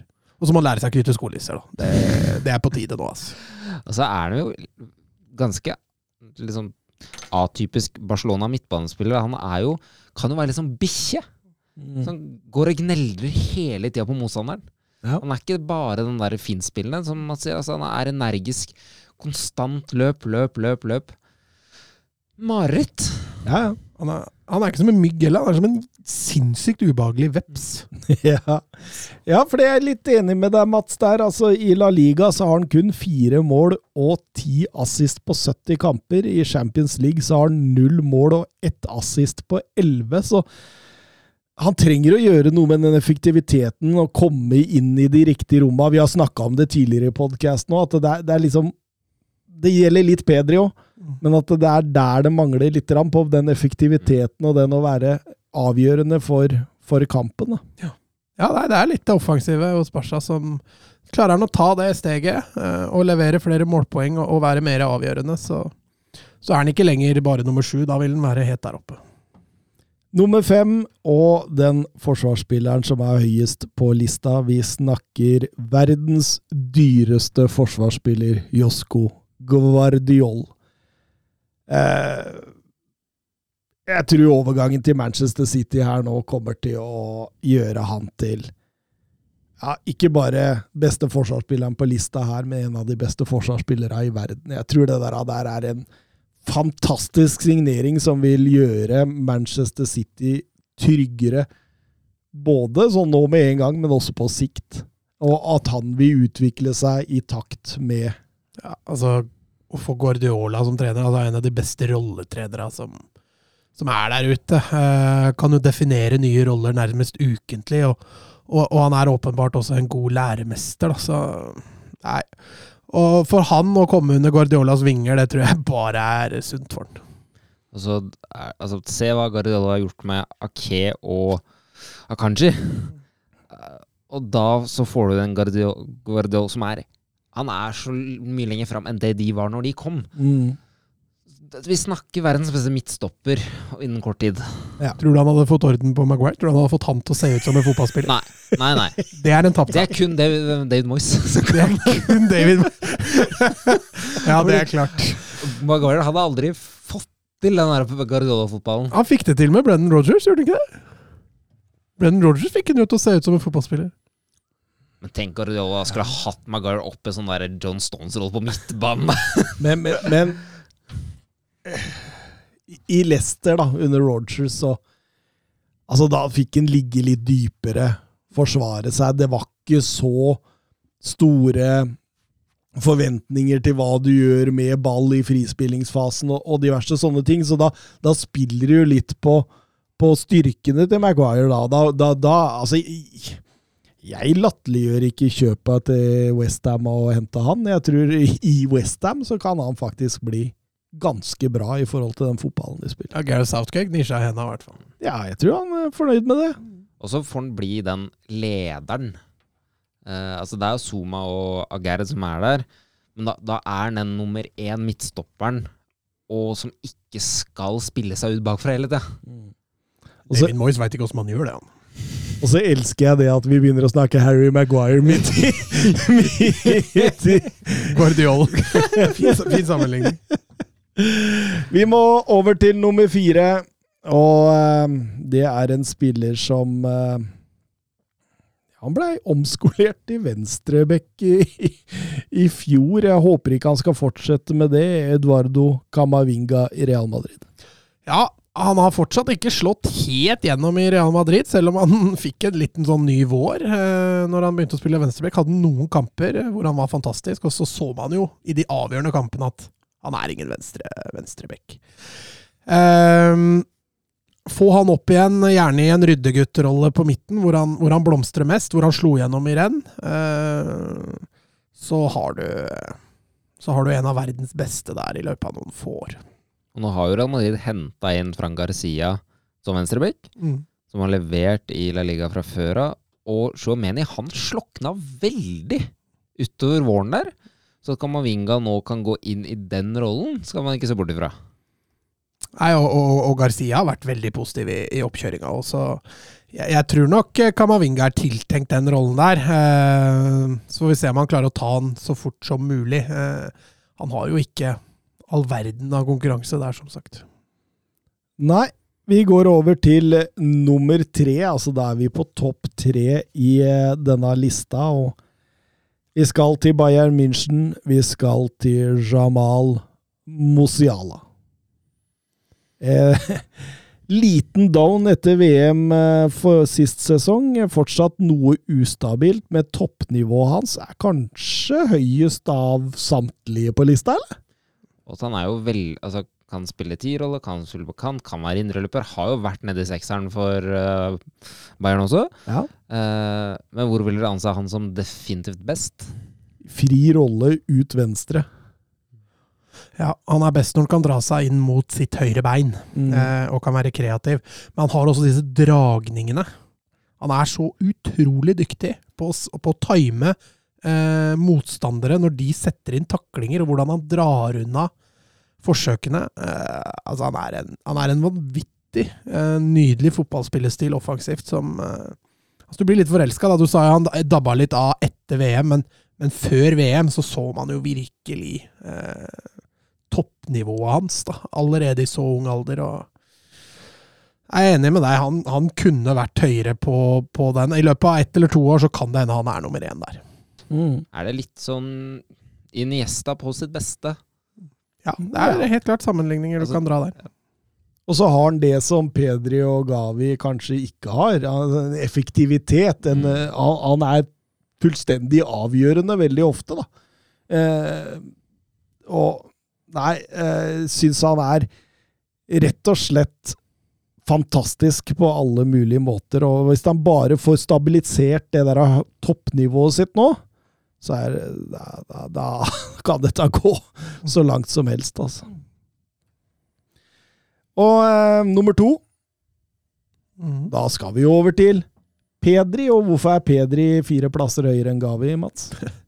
Ja, nei, da har han jo, For det første er han jo litt lenger framme i karrieren sin enn det Gavi er, så han har jo prestert på et nivå eh, over litt lengre tid, samtidig som han er litt mer avgjørende enn det Gavi er. Han preger ofte kampene offensivt i langt større grad enn det Gavi gjør. Eh, dessverre, i likhet med flere av de vi har nevnt, så, så blei jo han kjørt ordentlig rovdrift på eh, under året under Ronald Koman.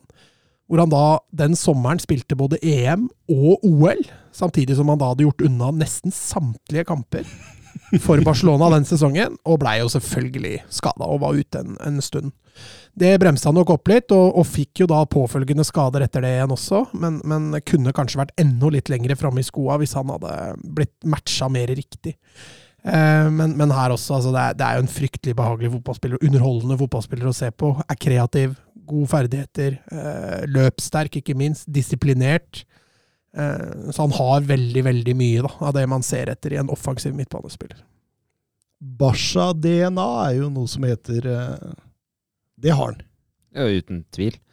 Han er jo ikke bare sjøgutt, vet du. Nei, han er Las Palmas. Ja, ja, ja. han kom jo som 18-åring, eh, 17-åring. Han hadde vel spilt litt på toppnivå for Las Palmas òg? Ja, han, spilte, han var leid ut den første Han ble kjøpt, og så ble han leid ut første sesongen.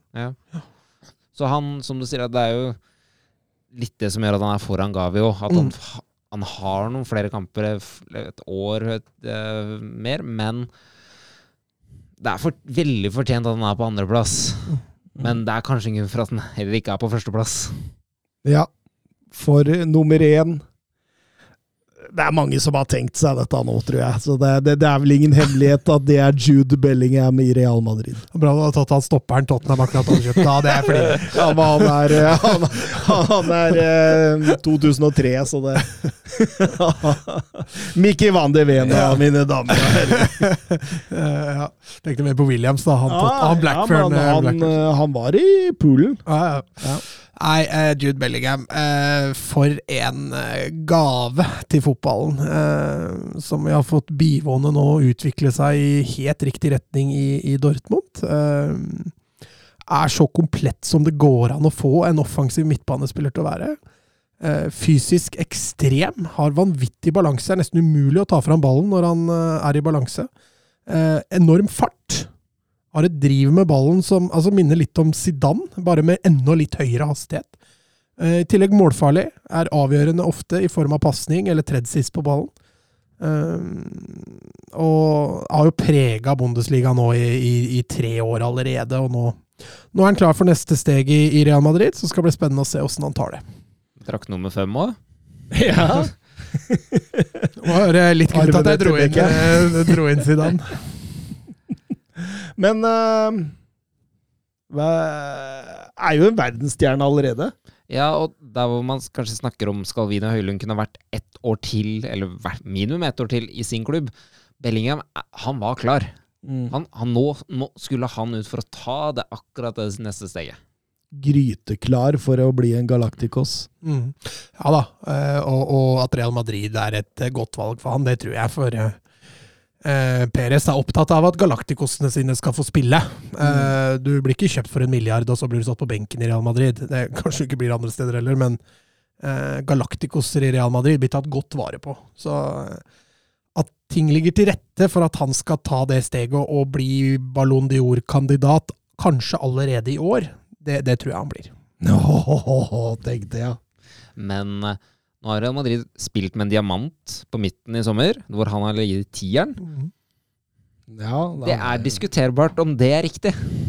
Det er det. Men det er også diskuterbart om diamant er riktig. Så det er, kan hende han har en trener som ødelegger for ham. Det kan, Ja. det kan godt hende. Uh, Topp fem manager i historien.